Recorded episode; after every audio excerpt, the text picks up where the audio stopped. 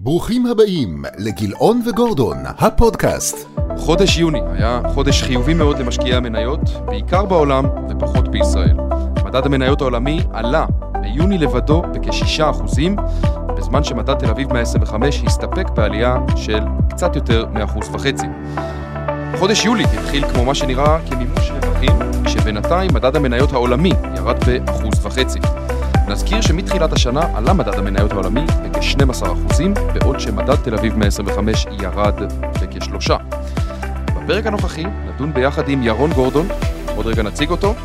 אגב, אין לנו uh, קשר משפחתי, חולקים את אותו שם משפחה, אבל ללא קשר משפחתי שאנחנו מכירים. ראש צוות מניות בהכשרה ביטוח, על הגורמים העיקריים שמשפיעים על שווקי המניות, על התמחור בסקטורים השונים, המחזור הכללי, מצב השוק המקומי, החלטת הריבית של בנק ישראל ועוד ועוד. ירון הוא איש השקעות מוכשר ומעניין עם הרבה מאוד ידע, כך שאין לי ספק שהולך להיות לנו פרק מרתק עם הרבה מאוד ערך. שלום רב ירון. אהלן, מה שלומכם? תודה רבה שהצטרפת אלינו, שלום רב לשותפי היקר דרור. שלום נדב, מה העניינים? מעניינים, בסדר גמור, אני רק אה. אולי אספר שירון ואני עבדנו ביחד אה, במנורה, אז יש פה עניין של גילוי נאות, עבדנו במחלקת ההשקעות של הקרנות נאמנות, ירון מההתחלה אה, בא, ו... בא לעשות שינויים, בא לחשוב קצת מחוץ לקופסה, גם שעוד היה איש השקעות יחסית צעיר, אה, תמיד עם אה, תובנות אה, שונות מהקונצנזוס, ותמיד גורם לך לחשוב אה, על מה הולך לקרות אה, בשווקים, על קונספציה, אם היא נכונה או לא נכונה, באמת אה, מעמיק, קצת קשה למרוח אותו באמירות אה, אה, ככה של אה, כלליות. אז זאת, אני מאוד נראה, אהבתי את נראה זה. שיהיה מעניין. כן, אני מאוד אהבתי את זה, וכן, אנחנו בקשר כמובן עד היום. אז ירון, תודה רבה שהצטרפת היום בכובע אחר. אה, נזכיר שאנחנו בקונספט החדש שלנו, נפגשים רק פעם בחודש. אה, התגעגעתי קצת, אבל אה, כן. קונספט נחמד. אז דרור, בואו נתחיל. ירון, אולי תציג את עצמך בכמה מילים? טוב, אז נעים מאוד. כמו שדרור אמר, אנחנו מכירים שנים אחורה, דרור בעצם הביא אותי לשוק ההון, זה משהו שהוא לא סיפר, או-אה. כן. ותודה על זה דרור. כיף. אה, סך הכל אה, מנורה של תקופתו הייתה תקופה בהחלט אה, מעניינת, מאתגרת, אני חושב שהייתה שם את המחלקה מהמובילות בשוק. ללא ספק. אני התגלגלתי לאורך הדרך קצת בעולם של אג"ח, ראש צוות אג"ח, ולאחר מכן הגעתי לעולם שבאמת מסקרן ומעניין אותי, שזה עולם המניות. אני היום מנהל צוות מניות ומשתתפות בהכשרה. אה, וכן, אנחנו היום אה, זכינו לצורך העניין, כמו שאמר אה, רונן אביגדור בעבר, אה, להיות בתקופה כנראה אחת המעניינות שחווים פעם בעשר שנים בשוק ההון. ואנחנו כרגע מנהלים בצורה שהיא, אני חושב, די אחראית אפשר להגיד, מחזור כלכלי שמתקרב לעולם של מיתון, לשלב של מיתון. רגע, ירון, עוד לפני שניכנס למיתון, אני רוצה רגע עוד קצת היכרות, עוד קצת היכרות. בבקשה. כמה כסף אתם מנהלים היום בהכשרה וכמה כסף אתה אחראי? אה, בהכשרה מנוהל אה, סדר גודל של אה, 20 מיליארד שקל, אה, יצירות, פדיונות וכולי, כן. אבל זה הסדרי גודל. אה, ישירות אה, תחתנו יש סדר גודל של אה, 15 מיליארד אה, שקל.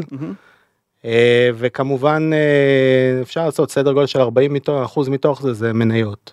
הבנתי. מניות בארץ ובחו"ל. נכון. אולי שווה להגיד שהם אה, באמת, אה, אתה עושה את העבודה יפה, אין ספק, אה, נמצאים במקומות הראשונים בשנים האחרונות, וסחטיין על זה. ש- שנגיד שאולי שזה באתגר לא פשוט, כי אתם בחיסרון לגודל מבחינת כמות אנשי השקעות ביחס לגופים מתחרים אולי.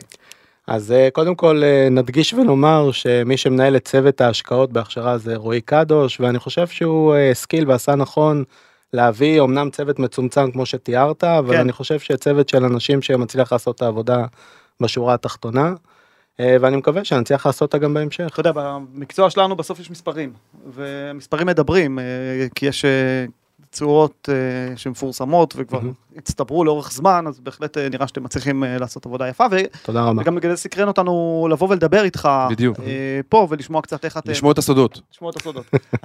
אז אנחנו מתחילת שנה בשנה, אפשר להגיד שעל פניו מי שמסתכל אולי מבחוץ, שנה נורא נורא מפתיעה. מהמם. אז uh, יש לנו נסדק שעלה בערך ב-30 אחוז, יש לנו מדד מניות עולמי שעלה בערך ב-12 אחוז, מדד בישראל שהוא במינוס מסיפורים מקומיים. עכשיו אני אומר, אם היינו מנהלים את השיחה הזאת בתחילת השנה, אני חושב שהיינו אומרים דברים די דומים למה שאולי נגיד פה היום. ובכל זאת, אנחנו אחרי עלייה של 30 אחוז אנחנו אחרי עלייה, וכן, אז כל פעם אני מזכיר לנו, וגם לאחרים, שתמיד צריך לנהל גם את הסיכונים. בסדר? אז עכשיו, ולהישאר צנועים. ולהישאר צנועים. עכשיו אני שואל, אה, אה, איך אתה רואה אה, את השוק היום, או יותר נכון את סביבת המקרו, כשאלה ראשונה, ובאופן כללי, איך אתם בתוך אה, הכשרה עושים התאמות בין איך שאתם רואים את סביבת המקרו, לס- סתם כדוגמה, אם אתה אופטימי מאוד, או אם אתה פסימי מאוד, איך זה יבוא לידי ביטוי בתיק ההשקעות, בחלק שלך, בחלק המנייתי. אוקיי, אז קודם כל החלק המנייתי צריך אה, לבוא ולחלק אותו. אנחנו מסתכלים בעצם ברמה הכי כללית שאפשר להסתכל על עולם של תיק מניות, זה על חשיפה. אחרי שאנחנו בוחנים חשיפה ומחליטים כמה אנחנו רוצים אה, בעצם להשקיע במניות, אה, אנחנו כמובן מסתכלים על זה אל מול התחרות, אוקיי? בעולם של אה, חיסכון ארוך טווח תמיד יש תחרות וצריך להתייחס אליה, זה לא קרנות גידור. כן, זה חיסכון ארוך טווח, אבל אתם, יש גם ביס שהוא קצר טווח יחסית, כי זה הפוליסות חיסכון שזה אפיק השקעה שהוא נזיל לחלוטין. הוא נזיל זה נכון, אבל בפוליסות חיסכון אתה יכול להשקיע בעולם שהוא לא שכיר, כן, אוקיי? אז בגלל שאתה יכול לעשות את הפונקציה הזאת של להשקיע בעולם שהוא לא שכיר, ההשקעות עצמן מתייחסות יותר לעולם שהוא קצת ארוך טווח, וככה אנחנו מסתכלים גם על הדברים, אנחנו לא סוחרי יום. כן, הבנתי. אוקיי. אוקיי. עכשיו, ברגע שבאנו ופענחנו את השאלה של החשיפה, שזו שאלה מהותית לתקופה הזו, אה, צריך להבין איך אנחנו מחלקים עכשיו את ההשקעות מבחינה גיאוגרפית. מבחינה גיאוגרפית, אה, בוא נגיד שרוב הכסף בגדול בעולם המוסדי נמצא בין ארצות הברית לישראל לאירופה. אה, חלק מהמוסדיים גם אה, נכנסים לעולם של אה, סין ולהודו ודרום קוריאה יפן. וכולי. יפן, נכון. אלה, אבל אני לא חושב שאפשר לצבוע את כל המוסדיים בעולם הזה, חלק מהמשקיעים כן עושים את זה וחלק לא. לאחר מכן צריך לפתוח את הסקטורים. אה, 11 סקטורים של ה-S&P קיימים 11 סקטורים כאלה בכל מדד בעולם. אנחנו בחרנו בגלל כוח האדם המוגבל שקיים בהכשרה לבצע אה, חשיפות אה, לסקטורים רק דרך ארצות הברית ודרך אירופה. מהמם. אה, שאר היבשות זה פשוט השקעה במדד אה, מוביל. אה, ואז אה, מגיעה השאלה של ניירות ישירים. אז בעצם אה, בישראל ובארצות הברית אנחנו עושים גם השקעה דרך אה, ניירות ישירים. אז ברגע שהכנסנו את כל הסיפור הזה לתוך פיילה אתם יכולים להבין שכמות ההחלטות שאנחנו צריכים לקבל ברמה יומית יכולה להיות אה, או עשרות או מאות החלטות זה ברמה הזו ולכן צריך גם אה, להציע כלים שיכולים לתמוך בזה. כן. אז הכלים שאנחנו בחרנו בעצם להתמודד איתם הם כלים שמגיעים מעולמות של ביג דאטה. אה, אנחנו אה, משתמשים בהרבה מאוד נתונים שמגיעים דרך אה, בלומברג ודרך אה, אזורים נוספים שאותם אנחנו מכניסים לתוך איזושהי מערכת שבנינו ואיתה אנחנו יכולים לקבל כרגע החלטה אם אנחנו רוצים לשבת over under באירופה בארצות הברית האם יותר אנרגיה כרגע יותר staples וכולי. אה, ומשם אנחנו באים ויוצאים לעולם שאנחנו מתחילים לנתח השקעות ישירות אה, דרך זה שבאנו ובדקנו מה הסקטור באמת שאנחנו רוצים לבחון אותו ואנחנו לא הולכים ומסתכלים עכשיו על כל העולם אלא ממש על סקטור ספציפי.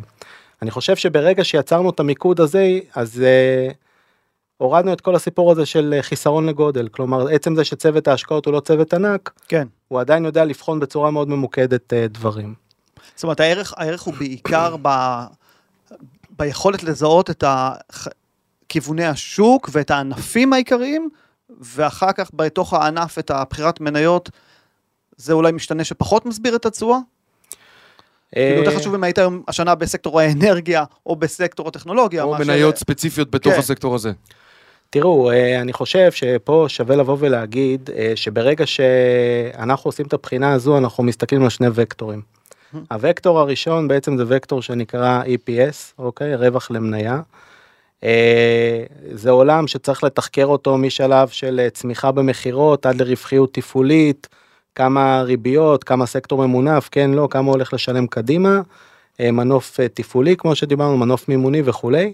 אה, ולאחר מכן אנחנו לוקחים את הוקטור שנקרא EPS ומתחילים לשערך אותו ולהבין איך הולך לראות קדימה. הדבר השני שצריך להסתכל עליו זה מכפיל. המכפיל זה בעצם בוא נגיד בצורה הכי פשוטה של הדברים כמה אני מוכן לשלם עבור הרווח שדיברתי עליו לפני רגע. כן. עכשיו לפעמים אני מוכן לשלם יותר ולפעמים פחות יש המון המון המון גורמים שיכולים להשפיע על כמה אני מוכן לשלם. אנחנו יכולים לראות לדוגמה היום בישראל ברמה שהסתכלנו ברמה הגיאוגרפית אנחנו יכולים לראות שישראל פתאום אה, כי אני חושב שאולי המדינה היחידה שבחנו שבה הרווח ממשיך לצמוח כרגיל, אוקיי? המכפיל מתכווץ, אוקיי? זה משהו שלא נמצא בשום מקום אחר גיאוגרפית כרגע. מה אתה מתכוון שאתה אומר הרווח ממשיך, אה, הרי השוק בישראל, אתה יודע, הוא לא ש- מקשה אחת. הוא לא מקשה אחת. יש כל מיני סקטורים, ענפים, אז אה, קל מאוד אה, אולי לדבר על הנדל"ן בישראל. כן. אני מניח שחברות הנדל"ן, אה, אני, לא צומחות או לא הרווח לא צומח בהם, נכון. אז תראו, קודם כל, זה אמירה שהיא חצי נכונה, בוא כן. נגיד את זה ככה. אה, כשאנחנו מסתכלים על נדל"ן, אז בעצם מה שמפחיד אותנו זה שהסקטור ממונף והריביות עולות והתשואות FFO צריכות להתחיל להיפגע. כן. תשואות FFO, רק צריכות תגדיר. אולי לכולם מה זה? אה, זה בעצם הרווח התזרימי של החברה, כן. אוקיי? אה, זה מה שמעניין אותנו בסוף. אנחנו רוצים להסתכל על תזרים, כמה כסף בעצם החברה הזאת יודעת לייצר. וכשאנחנו באים ובוחנים חברות נדל"ן בישראל, אנחנו מגלים משהו מעניין. החברות, בצורה מושכלת אגב, למדו וידעו לקחת את החוב שלהם ולדחות אותו הרבה מאוד זמן קדימה. חלקו, אגב, רובו בריבית קבועה, אוקיי? חלק מזה צמוד למדד המחירים לצרכן. למה אני אומר את זה? כי ברגע שהאינפלציה עולה, אז כן יש הוצאות מימון לחברות האלה, כלומר זה כן שוחק את הרווחיות בצורה מסוימת, אבל זה לא כתוצאה מהריבית. הריבית, החברות עצמם ייקח עוד זמן עד שהם יפגשו באמת את הריבית הגבוהה הזו. הם כרגע חיות בשלום עם הריביות שהם, עם הריביות שהם גייסו, עם האג"חים שהם גייסו.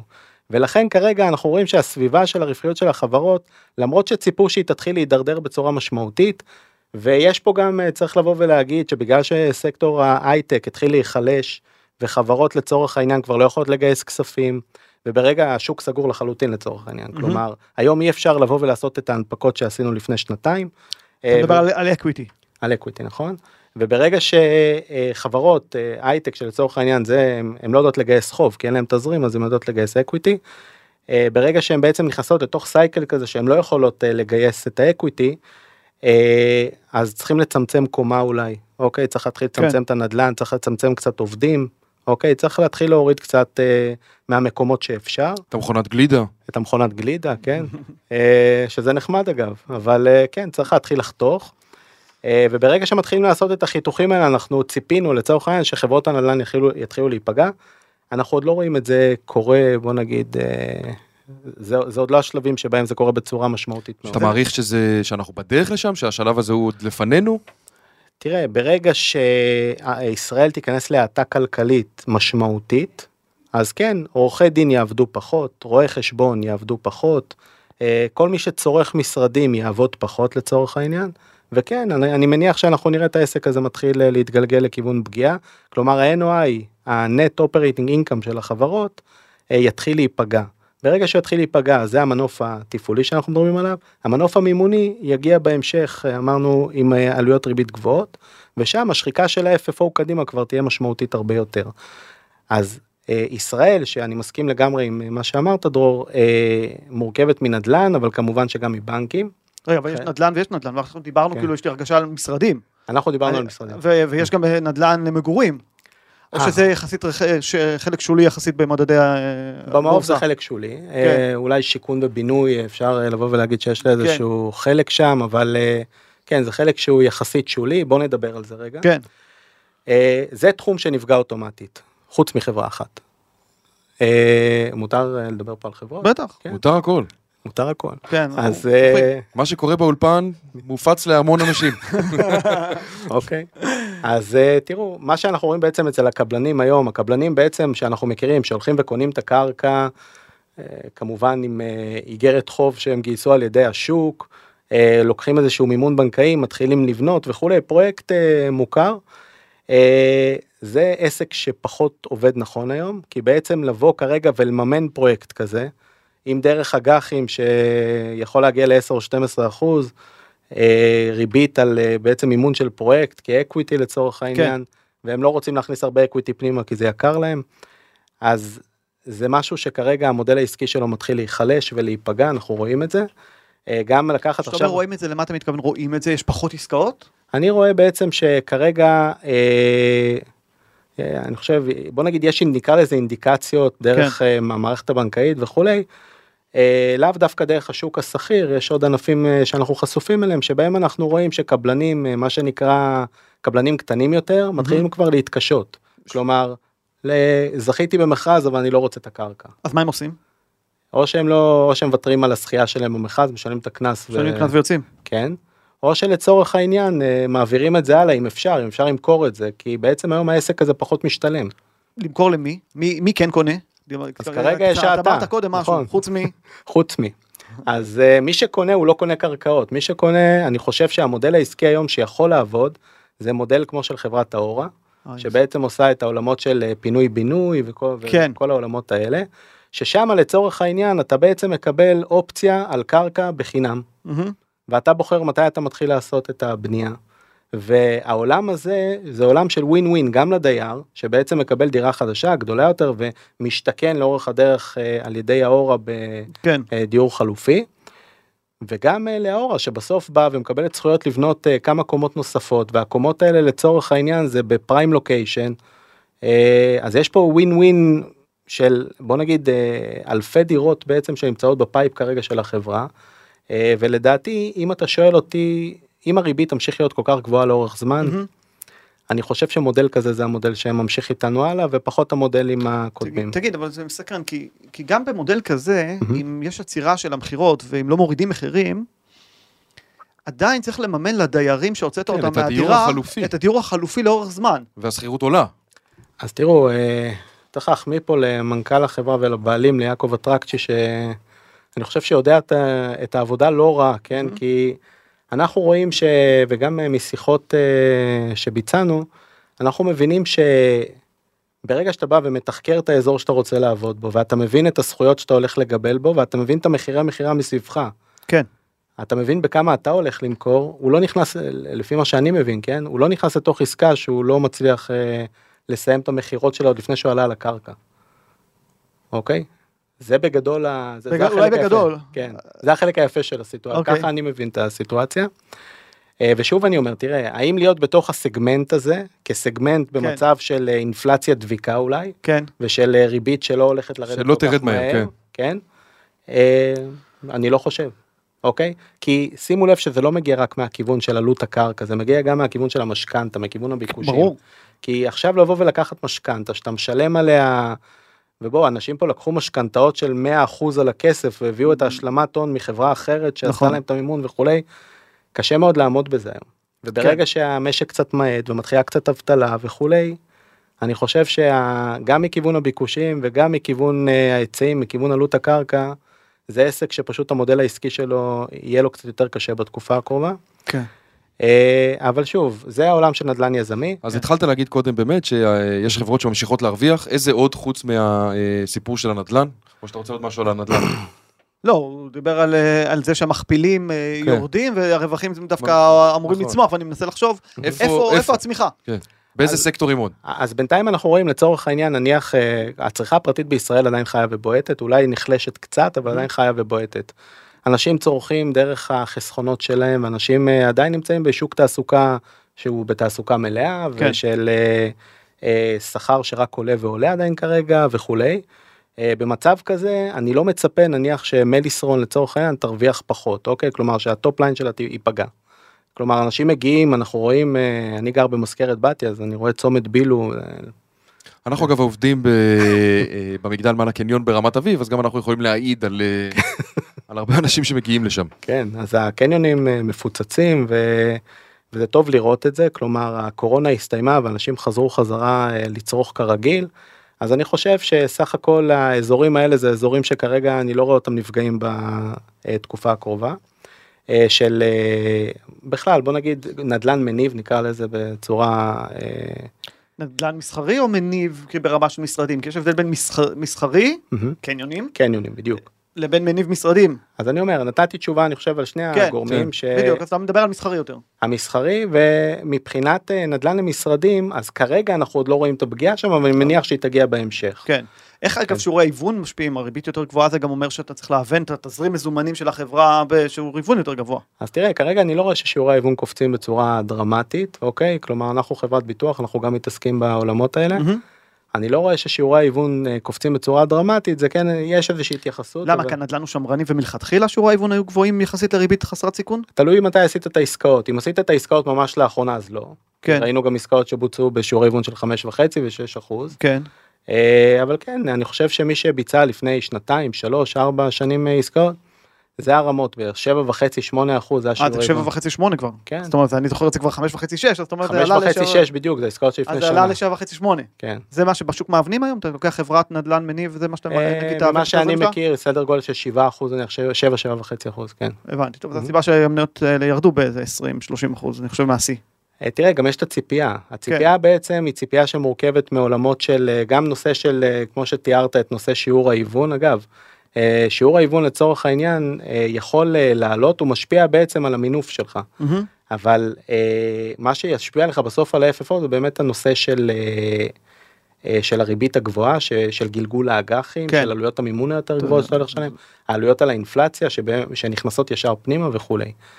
אה, ואגב, אינפלציה צריך לבוא ולהגיד מגיעה משני כיוונים, גם החוזים עצמם, נניח מליסמן, החוזים מדד. צמודים בדיוק. אז זאת אומרת שהם נפגעים פחות, זה כן. עדיין פגיעה, אבל היא פגיעה שהיא נמוכה יותר.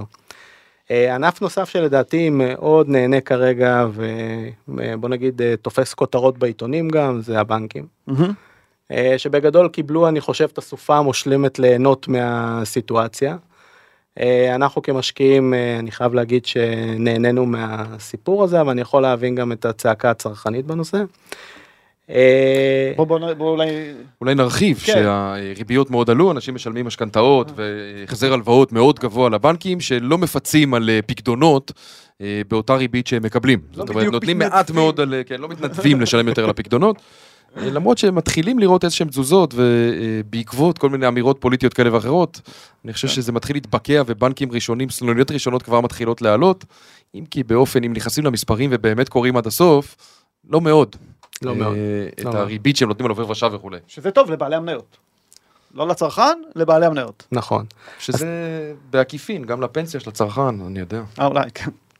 תראו בנקים שייצרו לאחרונה אה, נדבר אולי על השנה האחרונה תשואות אה, פנומנליות של 15-20 אחוז תשואה על ההון אה, זה מספרים שאני חושב אה, לא ראינו אף פעם כן. אוקיי אני לפחות לא ראיתי בשנות צעירותי פה בשוק הזה. אה, זה מספרים אסטרונומיים אבל אה, צריך לבוא ולהגיד כמה דברים אחד. אה, נושא מרווח הריביות מרווח האשראי זה חלק משמעותי כאן. הדבר השני זה הנושא האינפלציוני, אינפלציה עוזרת מאוד לבנקים, הרווח- הרווחים על, אה, על המדד לצורך העניין הגיעו ממש ברבעונים האחרונים ותרמו פה בצורה משמעותית מאוד כי לתוצאות, חלק מהמשכנתאות צמודות למדד. כן. נכון? שהם משלמים יותר. ההלוואות צמודות. עכשיו, אה, דבר נוסף, קודם כל בנושא של מרווח האשראי, כל מי שיש לו היום כסף בעובר ושב, אוקיי? אולי לאחרונה התחיל לקבל על זה קצת ריבית. עד אז לא קיבל כלום. קצת. קצת, בדיוק. אז אם אתה לא מקבל ריבית ועל ההלוואות לוקחים לך אה, סכומים דמיוניים, אז מרווח האשראי עולה, זה בסוף היה, זה כן. העסק של הבנק בסופו של דבר. אם זה, בוא נגיד, אה, אה, אפשר להגיד שזה, לא יודע מה, היה אפשר לעשות, להיות קצת יותר נדיבים, פחות נדיבים וכולי, זה העסק של הבנק. ככה, הבנק עובד על מרווחי ריבית. הדבר הנוסף זה נושא של רווחים חד פעמיים. רווחית, רווחים חד פעמיים כשמם כן הם, זה לא, חד-פעמיים. בדיוק, הם לא חוזרים על עצמם לאורך שנים, אז הבנק הזה מכר את המבנה שהיה לו בתל אביב במחירים אסטרונומיים כאלה ואחרים, ובאמת ניצלו את הרמות ריבית ושיעורי ההיוון הנמוכים שהיו בשנים האחרונות כדי לגרוף כסף על הנכסים האלה, כי זה לא הביזנס שלהם בסוף. אה, ועברו ל... בוא נגיד מקומות, אה, חלקם לראשון, למקומות שהם קצת פחות לוד. כן. כן. אה, שזה מהלך גם שבגדול... אה, צמצמו, עובדים אני מניח, אני לא יודע, אני לא בטוח בזה, אבל... זה נכון, זה נכון. עברו למרכזי ייעוץ, אה, אה, נכון? צמצמו הרבה מאוד יועצי השקעות, כן, הכל זה- יצא מהסניפים. זה אגב משהו שכן אה, צריך לבוא ולהגיד זה לא חד זה כן חד פעמי ברמה מסוימת אבל זה חלק מהפעילות של הבנק. כן. שהבנק עושה התייעלות תפעולית אוקיי אה, ובנקים עשו פה התייעלות תפעולית אה, אפשר להגיד שהיא מטורפת בשנים האחרונות גם אה, דרך זה שהם נהיו הרבה יותר טכנולוגיים. מהמם. אה, הקימו אתרים אה, את אמצעי תשלום וכולי כן. פחות צריך את הסניף כרגע נכון. פחות צריך את הבנקט וכולי. אה, זה יוצר מצב שבו הבנקים אה, צריכים לשלם הרבה פחות הוצאות שלא קשורות לריבית אוקיי וההוצאות האלה לצורך העניין משפרים אותם תפעולית בצורה משמעותית אז אה, אני חושב שאם לסכם את מה שאנחנו מדברים פה על, אה, על הבנק אה, או על ענף הבנקים אז אני חושב שהענף הזה כרגע עוד מעניין אוקיי אנחנו כנראה נראה פה עוד רבעון שניים מאוד חיוביים. אבל צריך לשים לב לזה שהריב, שהאינפלציה בישראל מתחילה לדעוך לאט לאט ממש נמצאת בפיק ודעיכה כרגע כן. אה, בעצם מתכנסת לרמות האינפלציה שאנחנו רואים בעולם, שמתחילות גם לדוח לאט לאט, זה אגב גלובלי לחלוטין, זה לא רק בארצות הברית. כן, אבל עלינו מכביד הדולר פה, שבגלל דברים אחרים, כן. ממשיך לעלות ומכביד גם על האינפלציה. אז השאלה אם באמת הגענו לפיק, או שאיך הדולר ישפיע. אז תראה, אה, זה נכנס אולי גם לשאלה שהיא קצת אה, מה יקרה, שאלה פוליטית יותר אולי. אה, מה יקרה בעולם הזה אני פחות רוצה לבוא ולנחש, אבל אה, אני כן יכול לבוא ולהגיד שברמות הדולר הנוכחיות לצורך העניין, אנחנו כן רואים שהאינפלציה מתחילה קצת להתמתן, אוקיי? ושוב, זה תהליך שהוא גלובלי, זה תהליך שנוצר כתוצאה מזה ש... אה, ייצרנו איזשהו חזרה לשגרה מהקורונה וכל השיפינג חזר לעבוד כמו שצריך וכולי. מחירי האנרגיה קצת ירדו בוא נגיד את זה ככה ירדו מרמה של אני כמה באזור המאה ועשר בשיא ירדנו 70. ל-70 ואפילו קצת פחות כן. ועכשיו כן. חזרנו 75. אז אני חושב שהמגמות האלה של גם של סחורות שקצת התמתנו בכלל אה, יצרו פה איזושהי רגיעה מסוימת בעולם אה, שאנחנו קוראים לו אינפלציה והדבר הזה להערכתי יכול להוביל אולי בהמשך גם למדיניות אה, מוניטרית קצת יותר אה, מרחיבה אולי קצת להירגע עם הנושא של הריבית. אה, בוא, בוא, כן. בוא נרחיב על זה, זה סופר סופר חשוב, אני חושב להמון אה, נושאים.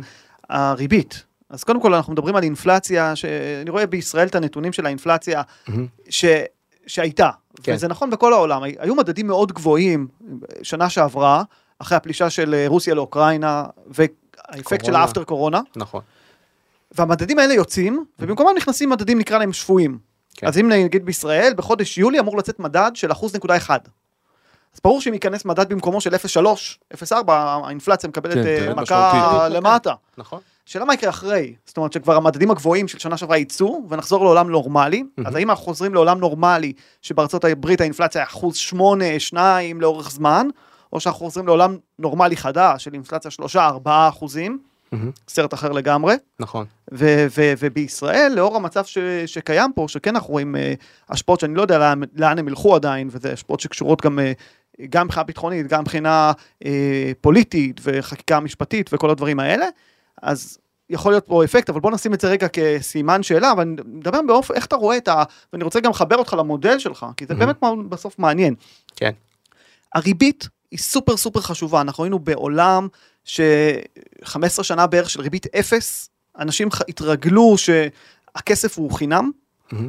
ויש לזה השלכות אדירות גם על משקי בית וגם על חברות כמובן, והתמנפו וצרכו ו- והכל בסדר, והנה אנחנו בעולם אחר. אז א', אני כבר הייתי מצפה שנהיה במיתון בשלב הזה ואנחנו לא, אה, וב', מה יקרה קדימה, ואז לאן לוקח את הריבית הזאת. ופה אני מאוד אשמח לראות אה, איך זה מתחבר למודלים שלך. אז אה, טוב, אז בואו נדבר קצת על עולם שנקרא מחזור כלכלי. כן.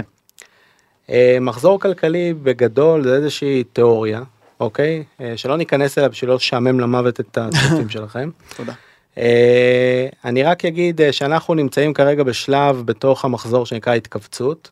אנחנו נמצאים בחלק האחרון שלו. ובואו נתאר אותו רק במילה או שתיים, כן. כי הוא דרוש להמשך. בשלב שנקרא התכווצות, מה שקורה זה שהצרכן צרך כבר אה, לאורך הדרך במחזור את המכונית שלו, הוא החליף אותה פעם בעשר שנים, את המזגן שלו, את כל מה שנקרא דיסקרשנרי, את המייבש וכולי. כן. בשלב הזה הוא לא צריך לצרוך עוד דיסקרשנרי. עכשיו, זה שלב שבו התעסוקה היא תעסוקה מלאה. בתעסוקה מלאה, העובד השולי, העובד הנוסף, אתה צריך בתור מעסיק לשלם עליו יותר כסף, כי אין עובדים בשוק. אז ברגע שאתה מביא עובד ומשלם עליו יותר כסף, הצרכן עכשיו בא ואומר, רגע, יש לי אפשרות, יש מה שנקרא את הנטייה השולית לצרוך, אני לא צריך עוד לצרוך, אני צריך לצרוך רק לחם ואוכל וכולי, staples מה שנקרא, ומצד שני אני יכול גם לחסוך, אז הנטייה השולית לחסוך מתחילה לעלות, אוקיי? עד כאן כלכלה. כן. אה, כשהנטייה השולית מתחילה אה, לחסוך מתחילה לעלות מה אנחנו רואים כסף שמתחיל להיכנס לתוך השוק זה מה שראינו לפני שנה וחצי. לשוק המניות, לשוק האג"ח, לשוק הנדל"ן. קטי ווד, אה, כן. סיפור, נכון? להכל, הכל להכל, עלה. נכון אז הכל מתחיל להתנפח זה כן. נקרא התרחבות מכפילים מה זה התרחבות מכפילים כמו שאמרנו רווח יכול לעלות בצמיחה x כן אבל אתה מוכן לשלם הרבה יותר על הרווח הזה פתאום כן. ממה שהיית מוכן לשלם בעבר למה כי יש תחרות על התשואה נכון. אז בעצם התשואה עצמה שזה לצורך העניין 1 חלקי כמה אתה מוכן לשלם מתחילה לרדת ולרדת ולרדת כמה היא יכולה לרדת שהפיקדון נותן לך 0.1 אחוז יכול לרדת אז הרבה. זה יכול לרדת הרבה בדיוק אז הניפוח נכסים נהיה משמעותי. מתי כל זה מתחיל להשתנות? ברגע שמתחילה להיות אינפלציה. עכשיו, הסחורות מתחילות לעלות, אוקיי? בשלב עדיין של התכווצות בחלק השלישי, הסחורות מתחילות uh, לטפס, האינפלציה מתחילה לעלות כי הצרכן אמרנו צורך, נכון? חוסך, אבל גם צורך, אינפלציית נכסים ואינפלציה כן. uh, של מוצרים. ברגע שאנחנו מתחילים לראות שהאינפלציה עולה, מתחיל לקרות פה משהו מעניין. אם הכלכלה ממשיכה להיות יציבה וחזקה וממשיכה לעלות, אז העסק הזה יכול להמשיך ולעבוד, אוקיי? גם אם הפד מתחיל לעלות קצת הריבית, או כל בנק מרכזי אחר בעולם מתחיל לעלות הריבית, זה יכול להמשיך לעלות. אבל זה לא מה שאנחנו רואים כרגע. ברגע הזה שבו התכווצות הופכת להיות מיתון, זה רגע שבו הכלכלה מתחילה להיחלש כתוצאה מהעלאות הריבית, אוקיי? הצרכן עדיין צורך במקסימום, כן? לא נתבלבל, אבל הוא כבר צורך את זה לאו דווקא רק מהמשכורת שלו, הוא גם לוקח עכשיו חלק מהחסכונות שלו וצורך דרכם וכולי, ועכשיו מתחיל פה איזשהו אלמנט שבו מתי נגמר הכסף. מתי שהכסף מתחיל להיגמר לצרכן, החסכונות, כלומר מתחילות, מתחיל, מתחילים להיגמר, בשלב הזה אנחנו יכולים לראות שהעסק מתהפך. מה זה אומר העסק מתהפך? בוא נחשוב על זה שנייה. צרכן צורך פחות. כן. ברגע שהצרכן צורך פחות, ה top line של החברות, המכירות, מתחילות לרדת. הוא, שהוא צורך, הוא קונה ברור. מוצרים של חברות. המכירות מתחילות לרדת, מכירות מתחילות לרדת, מה קורה לנו אז? מתחיל לעבוד מנוף תפעולי על החברות, אוקיי? כן, כי ההוצאות אה, הקבועות וההוצאות נשארות. נשארות. בדיוק. אז, אז עכשיו, השכר נשארת. כן. בדיוק. אז אפשר לטפל רק בהוצאה משתנה. מה זה הוצאה משתנה? נניח שחלק מזה זה עלויות עובדים. ואז מתחילים פיטורים. מהמם. ואז מתחיל, החברות מתחילות לפטר כדי לאזן את עצמם. עכשיו זה לא הדבר היחיד שקורה, גם אמרנו שהפד מתחיל לעלות ריביות בגלל האינפלציה. אז גם הריבית מתחילה להעיק על, ה, אה, על החברות, וברגע שזה קורה, עכשיו פה יש שאלה, מבחינת מחזורי עסקים זה לא חייב להיות זה. החברות לא חייבות להיות ממונפות בכל מחזור עסקים אותו דבר. אם החברות באות לא ממונפות לתוך התהליך, אז הריבית תשפיע פחות, כן. אוקיי? אבל הנושא של המנוף התפעולי קורה כל פעם מחדש, כן. הוא מחזורי לחלוטין. איך רמות המינוף היום? רמות המינוף היום בוא נגיד הם אה, שאלה איך מסתכלים על זה אוקיי יש פה שני דברים שצריך אה, להגיד קודם כל רמות מינוף לדעתי אה, די ממוצעות כן. אוקיי יחסית למחזורים אחרים שבדקנו. אה, כלומר הן לא גבוהות בצורה אה, מקסימלית המדינות ממונפות מאוד כן. אוקיי החוב לתוצר במדינות הוא מעל 100 אחוז כן. ברוב המדינות המפותחות שנסתכל עליהן היום. אה, זאת אומרת שאני אומר את זה ככה כבסוגריים כי אם המדינה עכשיו תבוא ותצטרך לעזור לחברות לצאת מהעסק יהיה קשה. יהיה קשה. אוקיי? כלומר המיתון הזה צריך אה, להתכונן לזה שארגז הכלים שנמצא בעולם הפיסקלי הוא כנראה קצת פחות אה, גדול ממיתונים כן. קודמים. אה, עכשיו ברגע שחברה באה ומתמודדת עם מנוף תפעולי כזה מתחילה לפטר מתחיל כדור שלג. הצרכן צורך פחות מהמם. החברה צריכה לפטר יותר ואנחנו מתחילים להגיע לשיעורי אבטלה שהם אה, משמעותיים וזה בעצם תהליך אה, של התאמה למיתון. אני חושב שאת התהליך הזה זה אופציה מתוך שלוש אפשרויות שאנחנו רואים כרגע. כן. איזה חיוך. אה, כן, לא, אני יודע למה חיוך. מתחיל לדבר בתרחישים. כן. אז אה, זה תרחיש אחד, אוקיי? תרחיש שבעצם אה, בו הפד, שאגב לא יכול לעשות הרבה במצב הזה. הוא לא באמת יכול לעשות הרבה במצב הזה. כי יש אינפלציה? ברגע שמתחילה אה, אינפלציה, הפד יכול למתן אותה, אבל ברגע שהצרכנים קונים פחות ונשחקים, אוקיי? הפ... השורה העליונה של החברות מתחילה להישחק, כן. חברות מפטרות. אלא הם יביאו מענק לכל אזרח ואזרח שימשיך לצרוך, כמו משהו דומה שראינו בקורונה, כן. שאני לא חושב שלאף אחד יש אינטרס לעשות את זה, לא. כי אנחנו ננפח פה אינפלציה כבר. כן. אה, לא, אבל כשאתה מוריד ריבית אתה עוזר, לא- זה לוקח זמן, אבל אתה עוזר. אתה עוזר, יפה, אתה עוזר אבל באיזה סגמנט, כלומר החברות לצורך העניין, אם הן לא כל כך ממונפות, כן? כן. יכול להיות שגם אם הן ממונפות, אבל אם הן לא ממונפות כל כך, במה עזרת להם תפעולית בזה שהורדת להם את לא עזרתי הריבית? להם תפעולית, כן. אה, תפעולית, אבל מהמם. עזרתי להם להקטין את אה, הוצאות המימון, ועזרתי לצרכן. לשלם פחות משכנתה ולהישאר עם יותר הכנסה. וגם. זה שפיטרו נכון. אותו ישלם משכנתה יותר נמוכה. יש פה עזרה ל- לאנשים. אז, אז תראו, קודם כל, ברגע שהריבית מתחילה לרדת, אני, לפחות מה שאני ראיתי, זה לא, גם זה לא מתורגם ישירות לצרכן, אוקיי? דברים שלוקחים זמן, זה תהליך שלוקח זמן. אז אה, אני מניח, כן, שהצרכן עצמו, אה, וראינו את זה בכל מיתון שבדקנו אותו, הוא מתחיל להיחלש. כן. אוקיי? ברגע שהוא נחלש זה משפיע על המעסיקים וכל מה שתיארנו קורה. כדי שהדבר הזה יתחיל להשתנות, צריך, אה, צריך להתבצע תהליך של התאמה בין גורמי ייצור לגורמי ביקוש. אוקיי, כן. זה בעצם, זה מיתון, ההגדרה המילונית שלו זה המצב, וזה משהו שלוקח שנה וחצי בערך. מהמם. אז אני אומר, זה תרחיש אחד שיכול לקרות. אנחנו עוד לא שם. אנחנו כרגע לא שם. למה אנחנו לא שם? יש דבר אחד שחסר לנו, כן. שוק העבודה. הוא הצרכן, מתוח. כן, הצרכן בא עם כמות חסכונות אה, משמעותית לאירוע הזה, בגלל אוקיי? הקורונה? אני חושב שגם בגלל הקורונה, גם בגלל כסף שחולק, המענקי קורונה וכל בדיוק. זה? אני חושב שזה גם תרם לסיפור הזה. כן. אה, אבל ברגע שהצרכן בא עם אה, לא מעט יכולת ירי מה שנקרא, כן. אז לוקח קצת זמן למתן את התהליך הזה, גם עם ריביות גבוהות, אוקיי? הצרכן עדיין צורך, ה top line עדיין של החברות לא השתנה יותר מדי. אה, והתהליך הזה בעצם לוקח קצת יותר זמן, כלומר חברות מפטרות יותר לאט, ראינו שחלקם התחילו. כן. אבל השוק, אז זה נורא מבלבל, זאת אומרת, השוק עצמו מבולבל. כי השוק מבחינת מבולבל. השוק הוא מבין, הוא מתרגם את זה לזה שלא יהיה מיתון, כן. וסתם הפחידו אותנו עוד פעם. והנה המניות אה, עולות, אמנם זה לא כל המניות. אולי מרוב שהכינו אותנו ודיברו על זה, זה לא קרה. אז המציא- דווקא שחושבים שזה כבר לא קורה, הנה, אז זה אז אמירה שאנחנו שומעים הרבה. נראה, אז התרחיש הזה נראה אז השאלה אם זה קרוב לא מתמיד. קורה, או שזה פשוט לוקח יותר זמן ממה שחשבו, כי אין ספק שאנשים מושפעים מזה שהריבית יותר גבוהה. אה, קודם כל החבר החדש שנכנס לעולם ההשקעות שנקרא פיקדון בנקאי שנותן אה, 4.5-5 אחוז אה, פתאום יש אה, אפשרות להשקיע. בוא, בוא נגיד היום אה, פייסבוק או אפל או אמזון וכולי כל מה שתקראו התשואה התזרימית שאתם מקבלים על השקעה כזו היום היא 2 3 4 אחוז זה מה שמקבלים כן. אמנם אה, תשואה צמודה לחלוטין אני גם לא חושב שיכולה להיפגע באיזשהו אה, אפשרות ההצמדה שלה. כי בעצם החברות האלה הכוח מיקוח שלהם הוא כוח אבסולוטי הן יכולות להעלות מחירים כמה שהן רוצות בערך. אה, במיוחד ברמת העלייה של המדד. אז אני לא רואה איך אז, זה תשואה שהיא צמודה לצורך העניין אבל 2 3 4 אחוז אמנם צמיחה של רווח ויכולת התייעלות כמו שהם הראו לנו בשנה הקודמת מטורפת כן כלומר אני לא יודע כמה עובדים אפשר אה, לייעל בחברות האלה אבל ברגע שיעשו את זה אנחנו נראה את הרווח פה אה, מרקיע מה שנקרא יש פה עוד יכולת צמיחה משמעותית.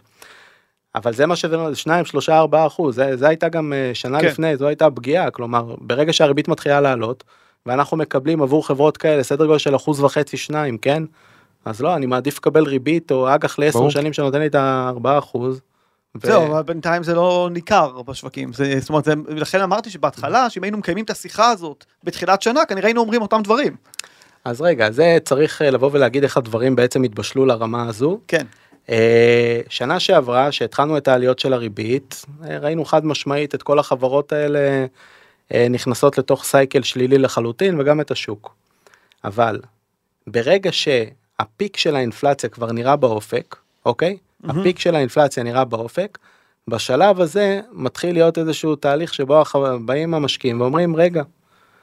אם אנחנו כבר מתחילים עכשיו תהליך הדרגתי של אה, ירידה באינפלציה ולאחר מכן ירידה בריביות וכולי, האינפלציה היא לא דביקה כמו שחשבנו לצורך העניין, בואו נחזור לשוק, מהמם. קדימה. הריבית תרד, אוקיי? הריבית תרד. הריבית הריאלית תרד? או אתה מדבר על ריבית נומינלית שתרד? קודם כל הריבית הנומינלית תתחיל לרדת, אוקיי? ברגע שהיא תתחיל לרדת והסחורות כבר יורדות לצורך העניין, כן. אוקיי? התחלנו תהליך של, מתחילת שנה התחלנו תהליך של ירידה בסחורות. נכון. אוקיי? אה, והגיע איזשהו שלב שבו אה, לא, היה ירידה משמעותית אפילו כן לא, כן, כן. לא ירידה קלילה בסחורות. אה, התחיל תהליך של ניפוח מכפילים מחדש. כמה ציפיות של בוא נגיד אני חושב שמדדי הטכנולוגיה עלו בצורה משמעותית ביותר סדר גודל של 40 אחוז כן. בארצות הברית. כמה מתוך זה הגיע מהתרחבות מכפיל וכמה מתוך זה הגיע מהעלייה ב-EPS אז כמעט הכל מהתרחבות מכפיל. שזה מטורף. זה מטורף. ו- כן. אבל אני לא מדבר על אה, עלייה בדיעבד על הרווח, אני מדבר על מצב שבו אתה מסתכל שנה, בתחילת כן. שנה, אומר מה הציפיות שלי לרווח ש- אה, שנה קדימה, ולאחר מכן מסתכל היום מה הציפיות שלי לרווח שנה קדימה. כן. אז ההבדל ביניהם הוא חמישה אחוז. מדהים. אז ברגע שאנחנו באים ואומרים את המשפט הזה אנחנו מבינים שחלק גדול מהעליות שאגב אה, באו ודיברו על זה לא מעט שמגיע משבע חברות וכולי כן. אה, זה והגיע אגב מתוך איזשהו אייפ חלקו שנקרא AI. אתה חושב שזה אייפ או שאתה חושב שזה... אוקיי אז אה, לגבי ה-AI אני אנסה לקצר. ברחנו קצת, אני אחזיר כן. אותנו בחזרה, אנחנו עדיין בתרחיש הראשון. כן יש שלושה, אנחנו נחזור לשניים האחרים ועושים איזושהי הפוגה ל-AI. כן מעניין. בדיוק. אז אה, לגבי ה- אני חושב שקודם כל כל הנושא של צ'אט GPT זה באמת מהפכה מסוימת. AI אגב השיטה עצמה הוקמה בשנות ה-60 אוקיי. אוקיי? שנות ה-60, פשוט לא היה כוח מחשוב שיכול להכיל את העולמות האלה. בסוף מדובר במודלים סטטיסטיים. מהמם. מודלים סטטיסטיים שיכולים להתעסק עם big data בעולמות של big big data. כלומר, תכניס כמה משתנים שאתה רוצה פנימה, אני אמצא את הקשרים הסטטיסטיים ביניהם, ואני אמצא, אני אייצר לך איזשהו מודל שבא ואומר שאם קורה x אז y, אוקיי, אם קורה, נכון, כן. ש-y מסביר את x, יפה. עכשיו, AI יש בו איזשהו פרינציפ קטן שצריך אה, לדעתי, שהוא מהבנה בסיסית שלי, צריך להבין אותו. אם אתה בא ובונה מודל על ידי זה שאתה מבין את העסק שאתה נמצא בו, ואתה יודע להכניס את הפרמטרים הנכונים שמסבירים את Y פנימה, אז המערכת שלך תעבוד יפה ברמת החיזוי. כלומר, לא רק ברמת לימדת, לימדתי אותה את כל המציאות, כל הדרכים האפשריות, בואי תתמודדי עכשיו קדימה, כן. אלא אני מלמד אותה משהו מאוד קטן, חלק מאוד קטן בזמן, והיא יודעת לבוא ולנבא לי קדימה את כל העסק. מה שצ'אט GPT עושה זה לא בדיוק המצב הזה. לצ'אט GPT מכניסים פנימה את כל המידע האפשרי. כל מה שאפשר. את כל המידע שקיים באינטרנט מכניסים פנימה ואומרים עכשיו בוא תמצא הקשרים אה, סטטיסטיים. עכשיו, למצב כזה אני לא יודע אנחנו נדע בהמשך כמה טוב זה עובד כי כל הזמן הולכים ומעדכנים את הגרסאות החברות המובילות. אבל אני לא בטוח וגם החברות כבר הבינו שכדאי בסוף לבוא ולקחת את ה user ולהגיד ל user בוא אתה תביא את המשתנים שאתה מכיר מהעסק שלך לתוך הפלטפורמה שלנו ובוא נייצר מזה מודל. מהמם. בוא נלמד אחד את השני מה שנקרא ב open source כזה. שזה נחמד אגב זה פתרון הרבה יותר מעניין לדעתי מה שקיים כרגע בשוק אבל בגדול. אני לא רואה איך העסק הזה הולך עכשיו ולוקח אותנו אה, לצמיחה אבסולוטית אה, אה, ומשנה Game Changer לחלוטין אני חושב שזה כמו שאמרתי בהתחלה סוג של אייפ. זאת אומרת זה פחות זה פחות אה, אתה- פחות קונה את ההסב- את ה-AI כהסבר לעלייה הכל כך דרמטית אה, בשווקים לאורך. זמן. מהמם. זאת אומרת, כן. אייפ. אני חושב שההתרחבות מכפיל שהייתה בטכנולוגיה אה, נוצרה בחלקה כתוצאה מירידה בסחורות. מהמם. אוקיי? אה, בעצם המכפיל הריאלי שאנחנו מקבלים כרגע יותר אטרקטיבי אז אנחנו כן יכולים ללכת ולהסתמך עליו. אה, והדבר השני זה האייפ שכן שנוצר בעולם שנקרא AI. עכשיו אם כן נחזור ל... נחזור. נחזור לתרחישים, תרחיש כן. 2. תרחיש 2 מדבר על נחיתה רכה. נחיתה רכה בגדול אני ממה שבדקתי אה, אני חושב 12 מחזורים אחורה פחות ראיתי תרחיש כזה קורה אבל הכל אפשרי אוקיי אנחנו אנשים אופטימיים אנחנו מנהלי השקעות מהמם. אז אנחנו צריכים לבוא ולהגיד שהתרחיש הזה קיים. אה, נחיתה רכה באה ואומרת את הדבר הבא הפד מעלה ריבית עד שהוא מצליח לבלום את האינפלציה. תוך כדי זה שהוא בולם את האינפלציה הוא לא הורג את החברות אוקיי כן. כלומר הרווחיות המימונית עוד לא באמת מגיעה לתוך עולמות הרווח והפסד וכולי. אה, האבטלה החברות לא בוא נגיד תוך כדי זה שהוא מעלה ריבית השוק לא נפגע מזה כן. שזה גם משהו שהצרכנים עדיין יש להם כסף בכיסים גם מהשקעות וגם מזה שהם לא מפוטרים. הם ממשיכים לעשות את תהליך של קנייה וכולי אה, צריכה פרטית ומצליחים לשמר את התוצר ברמות שהן לא גבוהות אבל לא לא נכנסים לתוך מיתון. כן. במצב הזה שהוא אה, מאוד אופטימי אגב, נחיתה רכה זה כותרת יפה, שמבינים. לעומק את ההסבר הזה. זה- זה- כן זה כן. כמו המציאות היום. כן, נכון. אוקיי. שאנשים מתחילים לאמץ אותה. כאילו זה מה שיש לנו והאינפלציה זה תירגע. מה עוד שהיה, זה במראה, השאלה אם. הקדימה. אבל תחשוב שהאינפלציה נרגעת אוקיי. שלושה חודשים ואתה בדיוק כאילו שם. עוד זה נזק. אה, תראה אני חושב שיש משהו אחד שצריך להסתכל עליו שקורה בחודש האחרון מהמם. וזה הסחורות. מהמם. שימו לב לזה שברגע שהפד מתחיל להרגיע את השוק הסחורות טסות. כשאתה אומר להרגיע את השוק למה אתה מתכוון? אה, אנחנו אולי אה, נעצור רגע עם עליית. הריבית אנחנו אולי דילג בהמשך על העלאת ריבית אחת. נכון אולי אנחנו נוריד ריבית בהמשך כן. אולי אולי אולי. אה, אנחנו רואים את הדוט פלוט נרגע קצת וכולי. כן למרות שניסו להיות הכי קיצוניים שהם יכלו ב- לשדר לשוק מסר של אנחנו. הולכים לעלות אבל כן. לא העלו. נכון. אה, גם אחרי שהם הבינו את גודל הבעיה תראה שהשווקים עולים זה נותן לצרכן עוד כסף בכיסים. כן אותו. בטח. שהסחורות עולות זה גם תרחיש שהוא אינפלציוני. נכון זאת אומרת שהפד בעצם מקבל פה בלי שהוא רוצה אינפלציה דביקה. נכון. עכשיו הפד לא רוצה את זה, הפד לא רוצה להיות בתוך תרחיש שבו פתאום האינפלציה מאמירה לו לרמות של 10 או, או יותר ברור. אחוז. אז אני אומר שבמצב הזה צריך להיות מאוד מאוד מאוד עם היד על הדופק כן ולראות שאנחנו לא נכנסים לתוך מצב של אינפלציה דביקה. כן. מהמם. זהו שהאינפלציה כבר היום מאשימים אותה שהיא דביקה, אתה מדבר על האינפלציה למעלה, לא על ה-core inflation, אלא על האינפלציה באופן אה, כללי, שכולל גם את מחירי הסחורות. תראה, נכון, האינפלציה באופן כללי שכוללת מחירי הסחורות, אני חושב שהסחורות היום זה אינדיקטור שמאוד צריך לשים לב אליו, כן. אוקיי? זה לא רק שוק העבודה, זה לא רק Mhm. העוצמה של הצרכן, אלא יש גם את מעניין. הסחורות. כן. כן. אה, אז והתרחיש השלישי, זאת אומרת התרחיש השני זה התרחיש הכי אופטימי שהשוק יכול אה, לצפות לו נכון להיום, נכון. אה, שכל אחד יכול לתת את ההסתברות שהוא רוצה לתרחיש הזה, מה התרחיש השלישי? התרחיש השלישי זה סוג של, אה, לא נקרא לזה ארמגדון, אבל זה מצב שבו הפד מאבד שליטה. דווקא, מה- דווקא בשלישי שמת אותו, היית מתחיל איתו, ואז היינו מסיימים עם משהו אופטימי. אוקיי. לא, אנחנו אופטימיים, אמרנו, אבל צריך להגיד את הדברים. אה, תרחיש שפה הפד מאבד שליטה, כלומר כן מנסה להיות אה, כמה שיותר אה, רלוונטי ואופטימי לשוק, וכן מנסה לקחת את הכלכלה ולהצעיד אותה קדימה בלי לרסק אותה. אה, והוא לא מצליח, והאינפלציה באמת, כמו שאמרנו, נהיית דביקה יותר, ואנחנו... חוזרת לעלות. רגע, שנייה, לעלות? בתרחיש כן. הזה גם אין צמיחה וגם יש אינפלציה? נכון. אוקיי. אנחנו מכירים אותו, לא צריך אה, להגיד את המילים, אבל מכירים את התרחיש עצמו. אה, אז תרחיש כזה הוא תרחיש בעייתי כבר. אוקיי, זה תרחיש שבו אנחנו נכנסים אה, כנראה למיתון שהוא לא מיתון קליל, מיתון עמוק יותר, ואני חושב שכרגע האמת נמצאת כנראה בין 1 ל-2, אוקיי, 3 כרגע זה לא תרחיש שנמצא על המפה של אף אחד כרגע, אבל אה, בין 1 ל-2 כל אחד צריך לבוא ולהגיד, אה, מי שחושב לצורך העניין שהפד כן יצליח לעשות את השינוי הזה, הסקטורים שהם סיקליקליים ועדיין נפט, סחורות, אנרגיה וכולי, דברים שמאוד ייהנו מתוך התהליך הזה. ומי שחושב שהפד אה, באיזשהו שלב כן יכניס את השוק למיתון, אז אני חושב שצריך לשקול לאורך הדרך להתחיל להכניס סקטורים שהם יותר דפנסיביים לתוך השוק וכולי. מישהו פה רואה תרחיש שהאינפלציה, שהפד מוריד ריבית בלי שיש מיתון? זאת אומרת, אנחנו הולכים ושוק המניות אה, ממשיך לשבור שיאים, ו... והצרכן ממשיך להיות אה, איתן, אז ובכל תרחיש זאת, רביעי. ובכל זאת אה, הפד מוריד ריבית רק כי האינפלציה ירדה? תראה, השאלה, מה שחסר בתוך השאלה הזו זה שאלה של מה האינפלציה. כלומר, מה הסחורות עושות בשלב לא, הזה. האינפלציה ירדה לאחוז וחצי. אז זה אז שאלה אתה מה... חושב שהוא יוריד את הריבית למרות שהשוק בשיא והצרכן חזק, ועכשיו הוא קיבל שלושה ארבעה חודשים של אינפלציה אחוז וחצי במונחים שנתיים? תראה, אם, הפד יצליח אה, לספוח כסף מהשוק אה, בצורה אגרסיבית, דרך העלאות ריבית ודרך אה, דברים נוספים שקיימים בארגז הכלים שלו, מבלי לפגוע במשק.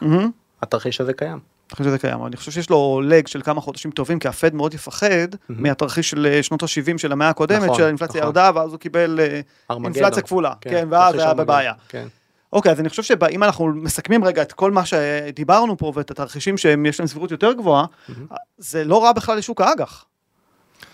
זה לא רע בכלל שוק האג"ח. שוק האג"ח, אה, וצריך להגיד את זה, שהיום אנשים מסתכלים על פיקדון ורואים באמת אה, חמישה אחוז, זה כמו כן. שדיברנו, רואים מקום הפוך וכולי, אבל צריך לסגור את העניין של המח"מ. רגע, אנחנו. דיברנו על זה לפ- מחוץ כן. לשידור, אז אני אגיד שהיום המקום הוא הפוך, וזה כן. זה מצב מאוד מאוד לא נורמלי. כן. כי באופן נורמלי אנשים היו רוצים את הכסף כמה פיצוי, שיותר אה, פיצוי קרוב אליהם. כן. וככל שהם משקיעים לטווח ארוך יותר, הם רוצים יותר. נכון, היום המציאות היא שלכאורה הם מקבלים פחות אם ישקיעו לעשר שנים מאשר אם הם משקיעים לשנה. נכון. ובעצם צריך לזכור רק דבר אחד, שיש אלמנט שנקרא מנוף. אם אני משקיע לשנה ומקבל חמישה אחוז לצורך העניין, זה מה שאני מקבל לשנה, אף אחד לא מבטיח לי שבשנה אחרי השנה הזו, אלה, זה יהיה סביבת. הריבית. אבל אם אני משקיע ומקבל לעשר שנים ארבע וחצי אחוז, זה התשואה הממוצעת שאני אקבל להחזקה בהשקעה הזו. גם אם הריבית תרד גם אם בשלושה הריבית ארבעה תרד. אחוזים. אז אני בעצם אראה את זה דרך רווח הון, כן. אוקיי? כי בעצם ה- הריבית הנקובה תהיה x והרווח הון שאני אראה יהיה y, כלומר יש פה שתי רגליים, תשואה של אה, ריבית ותשואה של... במילים פשוטות זה יהיה במכפלות. זה הרווח. יהיה במכפלות, ואנשים נכון. שמשקיעים לטווח ארוך יראו, יגרפו את כל הרווח של העשר שנים בתקופה מאוד מאוד קצרה, ולא יצטרכו באמת לחכות את העשר שנים כדי ליהנות מהתשואה, כמו שאמרת, זו תשואה ממוצעת, כן. אני יכול אה, להביא הכל בבת אחת. אז בתרחיש שאתה תיארת, שבו כן. האינפלציה היא לא דביקה והפד מצליח איכשהו להשתחרר מתוך הסיטואציה שאנחנו נמצאים בה כרגע, אה, אגב, גם עם מיתון וגם בלי מיתון, כן.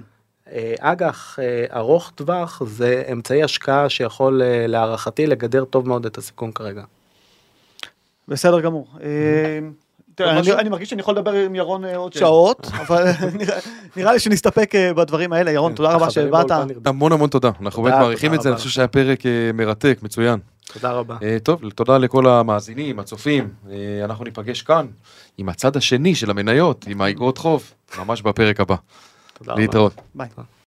לפני סיום, אנחנו רוצים להזמין אתכם למפגש השני, מפגש משקיעים פוטנציאליים אצלנו במשרד, שיתקיים ב-23 לחודש, בשעה שש בערב, וניתן להירשם באתר שלנו. נשמח לפגוש אתכם אישית להרצאה מרתקת. כן, זה, אני רק אגיד שזה מפגש אה, אינטימי, אנחנו יכולים לדבר שם הרבה יותר אה, נקודתית. על מוגבל לעשרה רעיונות אנשים. השקעה, מוגבל לעשרה אנשים. אה, המפגש הקודם היה מאוד מוצלח, מאוד מעניין, ואני חושב שנשמח מאוד לפגוש אנשים שהם כרגע מאזינים לפודקאסט, ולראות אותם בלייב. מעולה. תודה רבה, שבוע טוב לכולם.